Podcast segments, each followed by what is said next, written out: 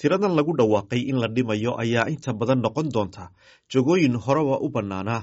balse ma aha askarta dhabta ah. Waxaana ka mid a shaqooyinka la xidhiidha ka hortega kacdoonnada kuwaasi oo sare u kacay intii lagu jiray dagaaladii ciraaq iyo afghanistan laakiin aan maanta loo baahnayn. Qiyaastii saddex kun oo ka mid a tirada askarta ee la dhimayo ayaa saameyn doonta ciidamada howlgallada gaarka ah laakiin dhinaca kale qorshuhu waxa uu ciidanka maraykanka ku kordhin doonaa ilaa toddoba kun iyo shan boqol oo ciidan ah oo cusub oo lagu kordhinayo howlgallada kale ee muhiimka ah oo ay ku jiraan difaaca hawada iyo cutubyada ka hortega diyaaradaha aan duuliyaha lahayn iyo shan howlgal oo cusub oo adduunka oo dhan ah kuwaasi oo kor u qaadaya awoodda internetka sirdoonka iyo hirgelinta weerarada fog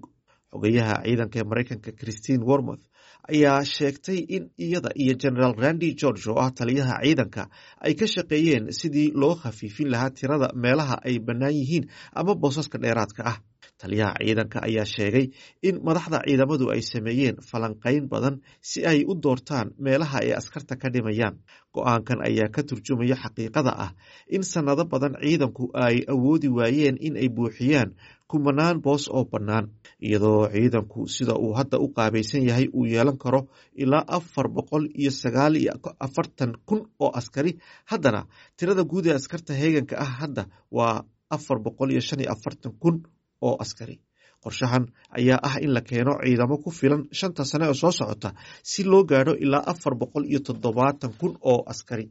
Dib u habeynta la qorsheeyey ayaa timid kadib dagaal labaatan sano ka socday ciraaq iyo afghanistan kaasoo ku qasbay ciidanka in ay si deg deg ah oo baaxad leh u ballaariyaan si ay u buuxiyaan guutooyinka loo diray furumaha dagaalka. Taas waxaa ka mid ahaa howlgal ballaaran oo ka horteg ah oo lagula dagaalamayay alqaacida taalibaan iyo daacish muddo kadib waxaa diiradda militarigu u wareegay tartan awoodeed oo weyn oo ka imanaya shiinaha iyo ruushka iyo hanjabaadaha iiraan iyo waqooyiga kuuriya. Sidoo kale dagaalka ukrein ayaa muujiyey baahida loo qabo in xoogga la saaro nidaamka difaaca hawada iyo awoodaha farsamada sare ee labadaba. Hogaamiyaasha ciidamada ayaa sheegay in ay si taxadar leh u eegeen dhammaan qaybaha shaqada ee adeega iyaga oo raadinaya meelo wax laga gooyo